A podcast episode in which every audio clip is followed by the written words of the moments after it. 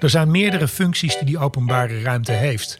En als je alleen maar naar die openbare ruimte kijkt vanuit het perspectief van mobiliteit, hè, dat het de vierkante meters zijn om ervoor te zorgen dat mensen zich van A naar B kunnen bewegen, dan bewijs je mensen geen goede dienst, vind ik. Hoe we wonen, hoe onze natuur eruit ziet, hoe we energie opwekken en hoe we reizen. Dat gaat de komende jaren allemaal veranderen.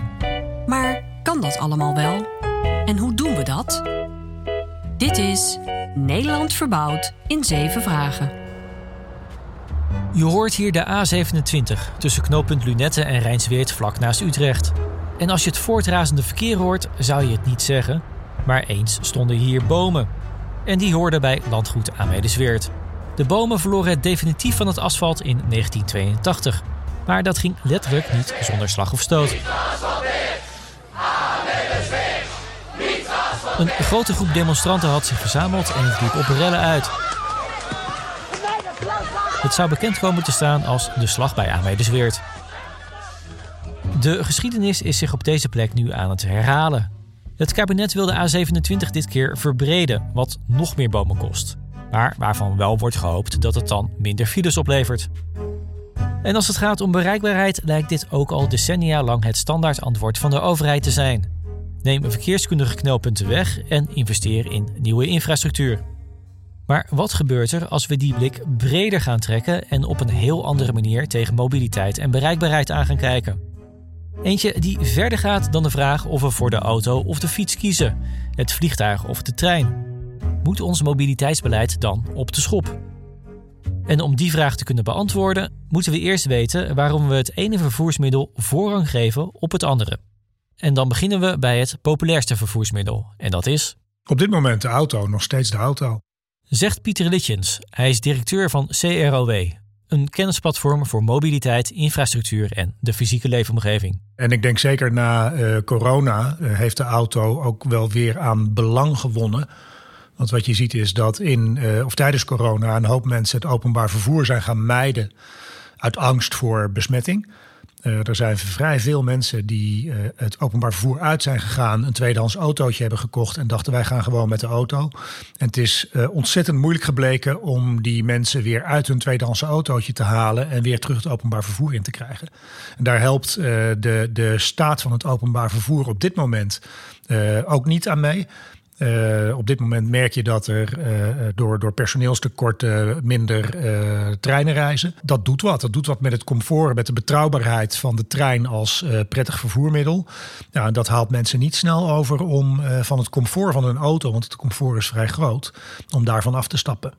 Onlangs publiceerde het Planbureau voor de Leefomgeving nog een rapport dat stelde dat je met de auto verreweg het snelst op je bestemming bent. Op sommige plekken ontkom je haast niet aan de auto als je je werk, de winkel of het ziekenhuis wilt bereiken. Pieter Litjens las dat rapport ook en herkent die conclusie uit eigen hand. Ik woon zelf in de Kwakel, dat is een klein dorpje in de gemeente Uithoorn, op 25 kilometer, denk ik, hemelsbreed van het centrum van Amsterdam. Als ik dat met openbaar vervoer wil bereiken, dat centrum van Amsterdam, dan ben ik vijf kwartier onderweg. Als ik de fiets pak, dan ben ik er een, doe ik er een uur en vijf minuten over als ik flink doortrap. En als ik met de auto ga, ben ik er in een half uur. Je ontkomt in sommige gebieden niet aan de auto als je echt van A naar B moet komen, zegt hij.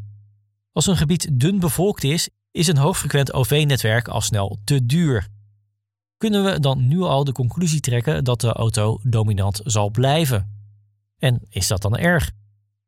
Ja, de vraag is een klein beetje waar dat een probleem is en waar niet. Hè. Je hebt een heleboel delen in Nederland waar die auto geen probleem oplevert. Uh, waar het grootste probleem van die auto is dat het een fossiele verbrandingsmotor heeft. Uh, dat de slijtage van banden is en dat daarmee uh, de milieuvervuiling fors is. Nou, wat je ziet is dat er nu grote stappen worden gezet in de energietransitie. In het elektrificeren van het wagenpark. Met name elektrificeren en niet zozeer waterstof, maar gewoon echt batterij elektrisch. Um, en daarmee zie je dat een van de grootste nadelen van de auto, namelijk de uitstoot en de milieuvervuiling en de impact op het klimaat, al een stuk minder is.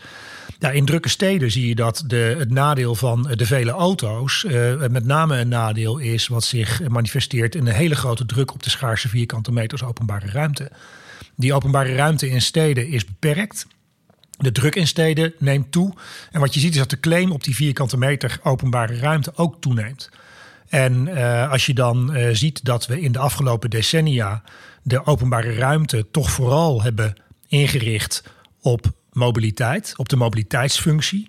Dominante inrichting van onze openbare ruimte, onze fysieke leefomgeving is echt vooral gericht op het accommoderen van al het autoverkeer. Natuurlijk ook van de bus en de tram en de metro en de fietser. Maar eh, voor een heel groot gedeelte op, eh, op de auto. En de vraag is of dat eh, met zo'n toenemende druk in de stad, of dat eh, de beste keuze is. Ik denk van niet. Ja, in dunbevolkte gebieden is het dus lastig aan die auto te ontkomen. Terwijl in drukkere gebieden de auto juist een behoorlijke claim op de beschikbare ruimte legt.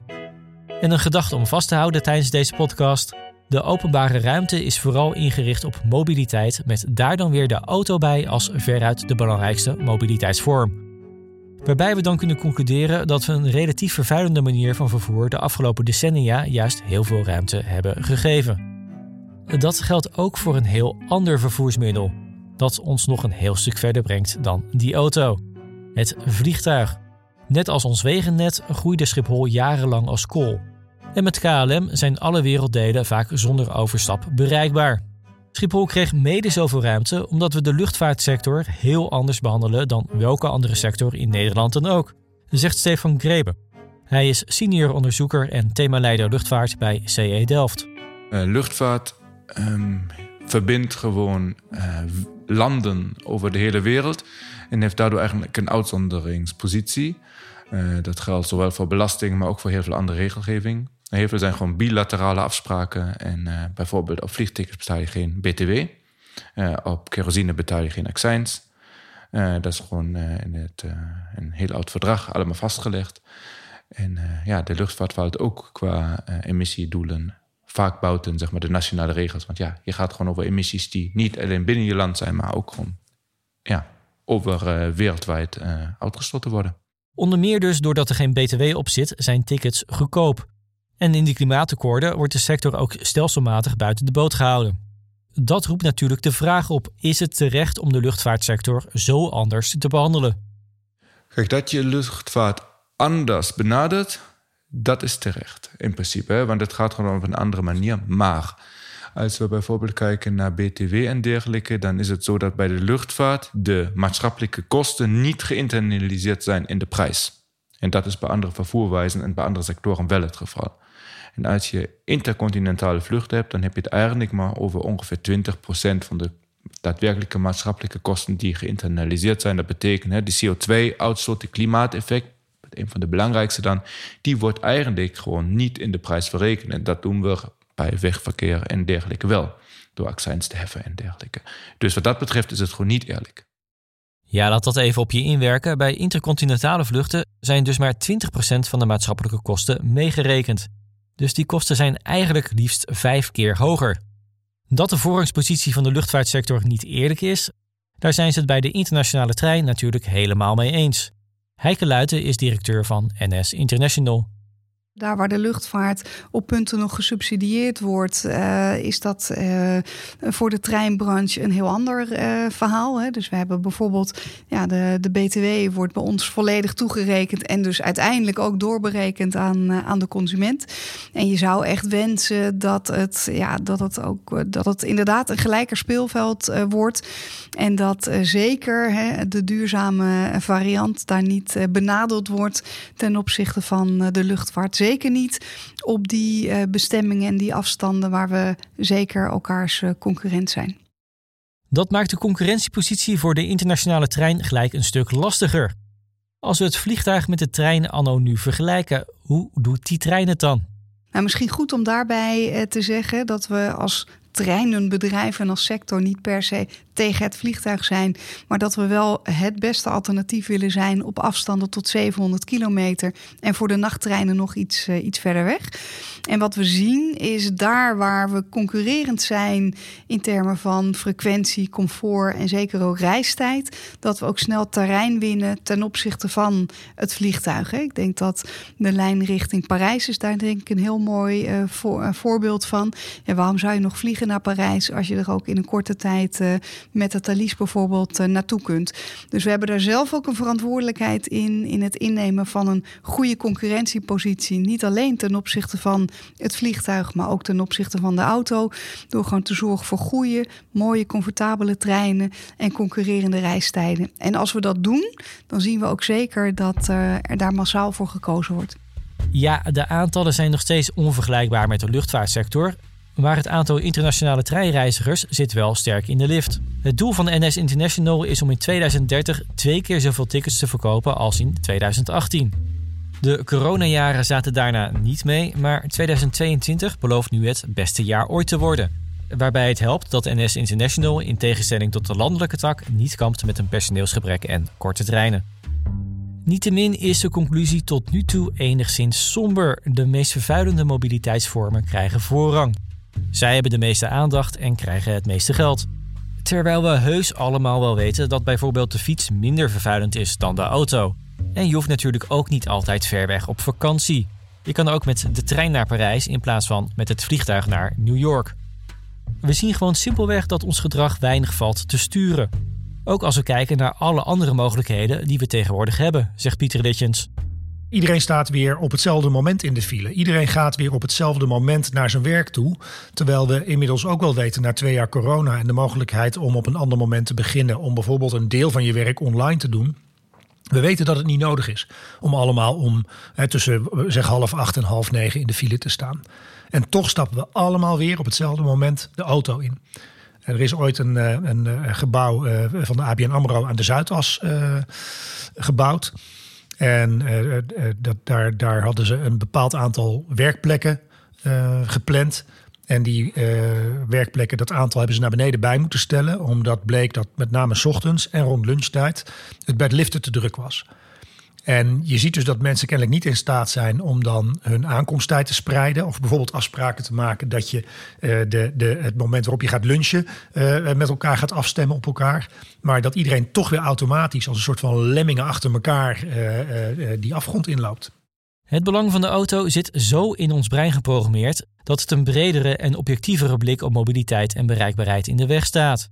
En er zijn voorbeelden te over. Bijvoorbeeld de klagende winkelier die hoort dat de klant niet meer voor de deur mag parkeren. Het is geen fenomeen wat typisch Nederlands is, want ik hoor het uh, internationaal hoor ik het overal. Uh, ik sprak mensen uit Kopenhagen. Kopenhagen is een stad waar veel geïnvesteerd is in de fiets en fietsinfrastructuur.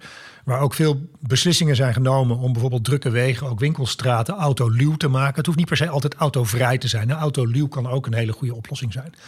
Maar uh, ook bij autovrije uh, winkelstraten merk je dat ondernemers in eerste uh, instantie enorm tegen zijn gaan roepen dat het toch niet mogelijk moet zijn dat auto's niet meer voor de deur kunnen parkeren.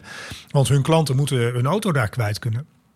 En wat je ziet is dat bij de meeste voorbeelden waar winkelstraten autoluw of autovrij zijn gemaakt, um, de omzetten van de winkels omhoog gaan omdat winkelend publiek uh, dat te voet langskomt of met de fiets door de straat heen gaat, over het algemeen meer omzet en meer koopt dan mensen die met de auto komen. We hadden al eerder benoemd dat bij de inrichting van de openbare ruimte tot nu toe mobiliteit, met daarbij vooral de auto, dominant was. Maar Pieter Ditjes zegt dat we bij de inrichting veel meer moeten meewegen dan alleen het belang van mobiliteit. Hij was commissielid en werkte mee aan het advies naar een integraal bereikbaarheidsbeleid van de Raad voor de Leefomgeving en Infrastructuur dat daar ook over gaat. Kijk naar de brede welvaart, wordt daarin gezegd, en kijk welk deel mobiliteit daar dan weer van uitmaakt. Kijk, de openbare ruimte of je fysieke leefomgeving, hoe je het ook noemt, maakt mij niet zo heel veel uit, kent een aantal functies. En, en verplaatsen, jezelf verplaatsen in die openbare ruimte is er één van.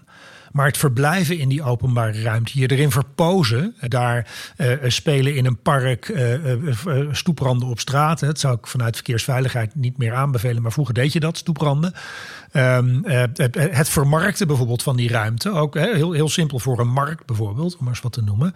Er zijn meerdere functies die die openbare ruimte heeft. En als je alleen maar naar die openbare ruimte kijkt vanuit het perspectief van mobiliteit, dat het de vierkante meters zijn om ervoor te zorgen dat mensen zich van A naar B kunnen bewegen, dan bewijs je mensen geen goede dienst, vind ik. Dan moet je echt serieus kijken naar waar worden mensen uiteindelijk gelukkig van. Uh, en dan kan het best wel eens betekenen dat je op sommige plekken nog steeds die auto erin houdt, maar dat je op een aantal plekken die auto minder belangrijk maakt en meer ruimte voor leefbaarheid en voor. Uh, uh, ja, voor de voetganger bijvoorbeeld, of voor kinderen die er willen spelen, inruimt. En van wat dat in de stad betekent, heeft hij zelf een voorbeeld als oud-bestuurder in Amsterdam. Ik heb in Amsterdam de, de kop van de Vijzelgracht. Ik was wethouder daar. Ik heb de kop van de Vijzelgracht afgesloten voor autoverkeer. Omdat daar iedere dag, echt iedere dag, een grote file uh, met auto's met uh, ronkende motoren stond. En wij uh, merkten dat de druk op dat gebied bij de Munt in Amsterdam zo ongelooflijk groot was. En wij hadden de voorkeur om daar meer ruimte te creëren voor de voetganger en voor de fietser. Ook meer ruimte te creëren voor leefbaarheid. En daar past zo'n beeld van zo'n file aan auto's niet bij. En we hebben toen onderzoek gedaan, we hebben kentekens gefotografeerd en geconstateerd dat twee derde van de mensen die daar in de file stonden niet uit dat gebied kwamen en daar ook niet een bestemming hadden. En het alleen maar gebruikte als doorgangsroute terwijl er een alternatief was. En dan vind ik dat je uh, uh, andere principes dan doorstroming moet laten prevaleren. Namelijk leefbaarheid en een prettige ingerichte leefomgeving. En dat is de reden voor ons geweest om het besluit te nemen om daar de auto niet meer door te laten rijden. En ik denk dat dat uiteindelijk een hele verstandige beslissing is geweest. Want de omgeving is rustiger, aangenamer. En het heeft niet geleid tot een enorme verdrijving van auto's naar andere plekken. Leefbaarheid weegt dan dus zwaarder dan de doorstromingsmogelijkheden met de auto. En je zou dus hier kunnen concluderen: de brede welvaart nam toe. Ook bij Schiphol kan je kijken hoe je welvaart moet afwegen, zegt Stefan Kremen. En hij geeft aan welke belangen er dan meespelen. We zien hè, lokaal om Schiphol heen, of eigenlijk om alle luchthavens heen, een behoorlijke discussie die vooral gaat over nou ja, de geluidsoverlast hè, van de omgeving. En dat is uh, daadwerkelijk een groot issue en een groot probleem voor veel mensen die in de omgeving wonen. We zien ook dat nou ja, uh, zaken als de stikstofuitstoot of de, de uitstoot van ultrafijnstoffen uh, op de platforms gewoon echt issues zijn waar serieus rekening mee gehouden moet worden. Aan de andere kant äh, zien we natuurlijk een heel sterke reisbehoefte voor zakelijke reizigers, maar ook voor ja, mensen die gewoon op vakantie willen, die äh, vrienden, familie ergens willen bezoeken. En dat zijn gewoon zeker de positieve kanten van vliegen. Maar het verbinden met de wereld, de mogelijkheid om heel snel ergens anders ter wereld te komen, ja, dat heeft ons heel veel uh, nou ja, welvaart gebracht en doet ons vooral ook heel veel plezier. Allemaal belangen waar iets voor te zeggen valt. Vliegen is zeker niet alleen maar slecht.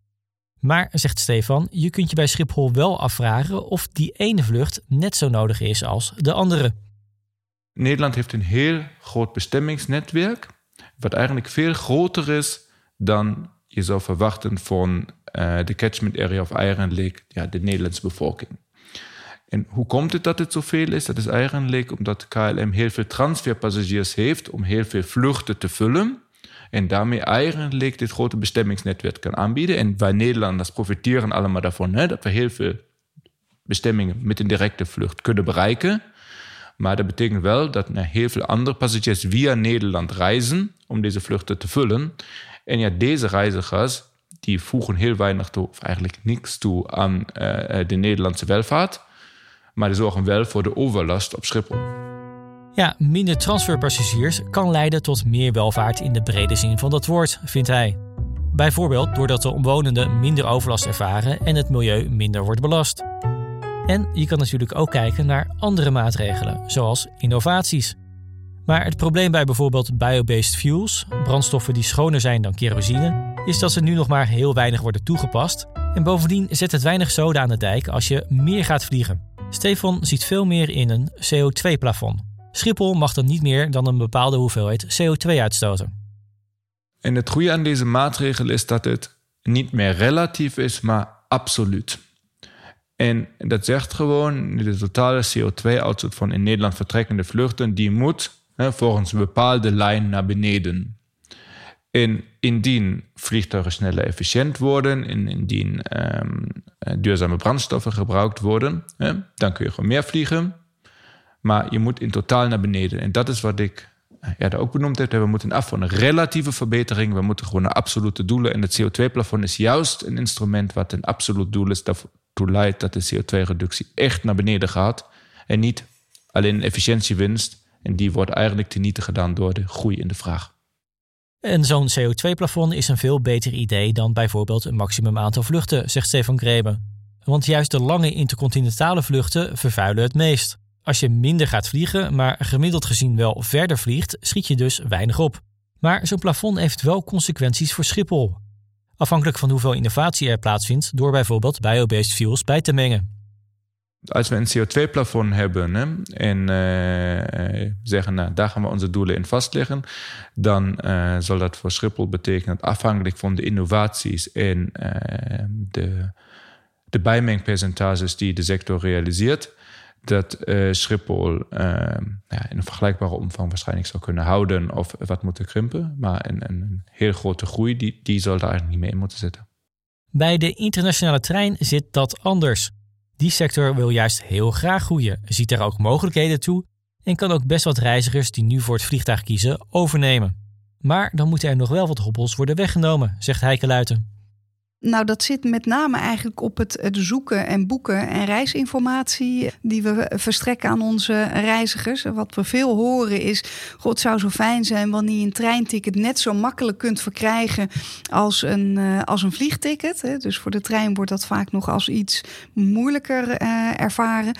En daar hebben we echt nog wat te winnen, ook als sector Europa breed om dat uh, te verbeteren. Nou, dan zou je je afvragen, en hoe komt dat dan? Uh, je, je ziet dat in de luchtvaart uh, er eigenlijk vanaf het begin heel veel gestandaardiseerd is. In uh, ticketvoorwaarden, in coderingen en, en noem het allemaal maar op. En in de treinwereld, hè, dat was natuurlijk van oudsher vrij ja, nationaal georganiseerd. dus met een, een nationaal georiënteerd assortiment, product voorwaarden, et cetera. En die staan ons nu een beetje in de weg om het voor de reiziger makkelijker te maken. Dus we werken ook in Europa aan verdere standaardisatie van onder andere ticketvoorwaarden, verkrijgbaarheid, et cetera. Om daar uh, veel vergelijkbaarder met de luchtvaart uh, het gemak aan de reiziger te kunnen bieden. Dat is in de internationale treinsector sowieso een probleem als je het vergelijkt met de luchtvaart. Daar stijg je op in het ene land en land je in het andere. Met de trein moet je soms door drie, vier landen heen met allemaal hun eigen wensen en eisen. De Raad voor de Leefomgeving en Infrastructuur wil daarom een Europese autoriteit voor spoorverkeer om daar meer eenheid in te krijgen. Ook Heike ziet daar wel iets in. Er is bijvoorbeeld nu geen standaardisatie op technisch vlak. Dus uh, treinen moeten nog steeds voldoen aan individuele eisen van ja, de landen waar je de trein naartoe wilt laten rijden. Dat maakt de toelating van treinen vrij complex. En het maakt het ook een vrij dure aangelegenheid, omdat treinen op meerdere systemen toegerust moeten zijn. En daar zou je je voor kunnen stellen dat er ja, een partij is die daar op termijn meer standaardisatie in uh, aanbrengt, waardoor het aantrekkelijker en ook makkelijker wordt om internationaal treinen te rijden. Met meer eenheid op het internationale spoor wordt de reiziger geholpen. Ja, dat klinkt zo logisch dat je je afvraagt waarom dat dan niet al lang is gebeurd. Want we hebben toch één Europese Unie ja, ik kan me, kan me de gedachte heel goed, uh, heel goed voorstellen. Uh, en, en ja, nogmaals, misschien is dat ook zo. Hè. Het heeft heel erg te maken met ja, de oorsprong van het, uh, het treinrijden en het hele nationale karakter eh, daarvan. Um, ja, daar is inderdaad, daar zijn nog geen normen over afgesproken. Je kunt je ook voorstellen dat dat gemoeid gaat met gigantische ja, financiële implicaties. Hè, wanneer je zegt van heel Europa moet onder hetzelfde spoorsysteem onder hetzelfde spanningssysteem werken. Nou, dat vraagt aanpassing in de infrastructuur, ja, die natuurlijk miljarden en miljarden uh, zouden vergen. Dus het is ook wel een, een stoere stap als we dat wel voor elkaar zouden kunnen krijgen. Ja, dat zou vooral politiek nogal wat voeten in de aarde hebben, wil je dat bereiken. En over politiek gesproken, wat hier bij alle mobiliteitsbeslissingen boven de markt hangt die we aan bod hebben laten komen, is de rol die politici hebben. Laten we weer teruggaan naar die brede welvaart. Het inpassen van mobiliteit in dat complete spectrum waar bijvoorbeeld ook klimaat, milieu, veiligheid en leefbaarheid in zitten. Pieter Ditjens, die lang als politicus actief was, kijkt kritisch naar zijn eigen oude beroepsgroep. Hij vindt dat politici te geïsoleerd naar mobiliteit hebben gekeken, zonder naar het plaatje van die brede welvaart te kijken. Het moment dat je het geïsoleerd zeg maar, bekijkt en niet in samenhang met andere vraagstukken, hoe, vind je, hè, hoe, hoe dien je de veiligheid bijvoorbeeld in de, in de fysieke leefomgeving het beste? Uh, hoe zorg je ervoor dat gezondheid uh, een belangrijk criterium is en wordt? Ja, als je die dingen niet meeneemt en, en alleen maar geïsoleerd naar mobiliteit kijkt, dan, dan, dan denk ik dat je het begrip brede welvaart te weinig recht doet. En dan volgt er een pleidooi over wat er wel nodig is, zodat politici brede welvaart als uitgangspunt nemen als het om mobiliteit gaat. Wat daarvoor nodig is, is een, een rechte rug en bestuurlijke lef. Ik denk dat dat heel erg belangrijk is. Betekent dat als je vanuit een visie beslissingen neemt, uh, je weet dat je tegen weerstand aanloopt. En uh, weerstand uh, je, werk je soms weg door goed uit te leggen wat je wil doen en waarom je het doet. Maar soms moet je ook constateren dat je, ja, een vriend van mij heeft het ooit gezegd, ook, ook een klein beetje het mensen tegen hun zin naar hun zin maken. Het, de, de ondernemer die uh, aanvankelijk boos is als je een, een, een weg uh, autoluw maakt, um, die weerstand die werk je niet altijd weg. Uh, wat we wel merken is dat in een heleboel voorbeelden, in ieder geval die we hebben gezien de afgelopen tijd, mensen achteraf zeiden, is toch best een hele goede beslissing geweest. Nou, die beslissing, als je die beslissing niet neemt omdat je bang bent voor de weerstand, ja, dan, dan, dan kom je nooit ergens. Dan moet je, vind ik, ook het bestuur niet ingaan. En die bestuurlijke lef moet dan wel worden gekoppeld aan een langetermijnvisie. Het is heel erg moeilijk om naar de lange termijn te kijken. Ik heb zelf twee jaar in de Tweede Kamer gezeten en daar regeert echt de waan van de dag. En uh, zijn uh, de peilingen van vandaag en de peilingen van gisteren zijn misschien wel het belangrijkste waarop geacteerd wordt.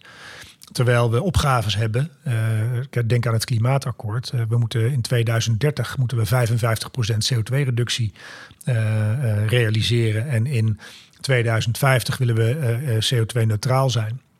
Daar moeten enorme stappen voor worden gezet. Het is voor heel veel mensen heel moeilijk om die termijn in het oog te houden en daarop beslissingen te nemen. Ik vind dat echt een rol van de overheid en van de politiek om dat te kunnen zien. En vanuit een visie op die langere termijn nu beslissingen te nemen, ook als ze pijn doen. En ja, daarover gesproken. We gaan terug naar die verbreding van de A27 daar bij Amelisweert.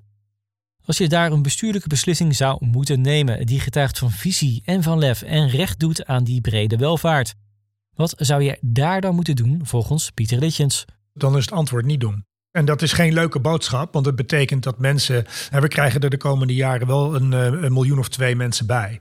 En die twee miljoen mensen die moeten ook, uh, die hebben ook diezelfde mobiliteitsbehoeften.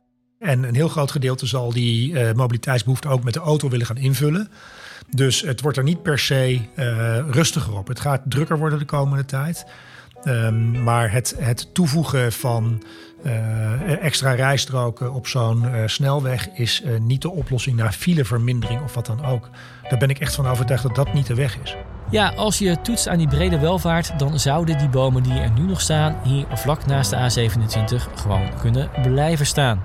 Het vraagt wel om een andere en bredere blik als we naar mobiliteit en bereikbaarheid kijken. Het gaat om meer dan de weg van A naar B.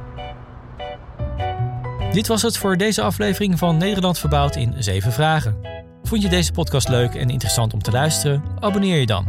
En op de site van de Raad voor de Leefomgeving en Infrastructuur vind je ook een volledige transcriptie van deze podcastserie. Mijn naam is Quintin Wierenga. Graag tot de volgende aflevering. Nederland verbouwd in 7 vragen is een podcast van de Raad voor de Leefomgeving en Infrastructuur. Meer weten? Kijk op rli.nl/podcast.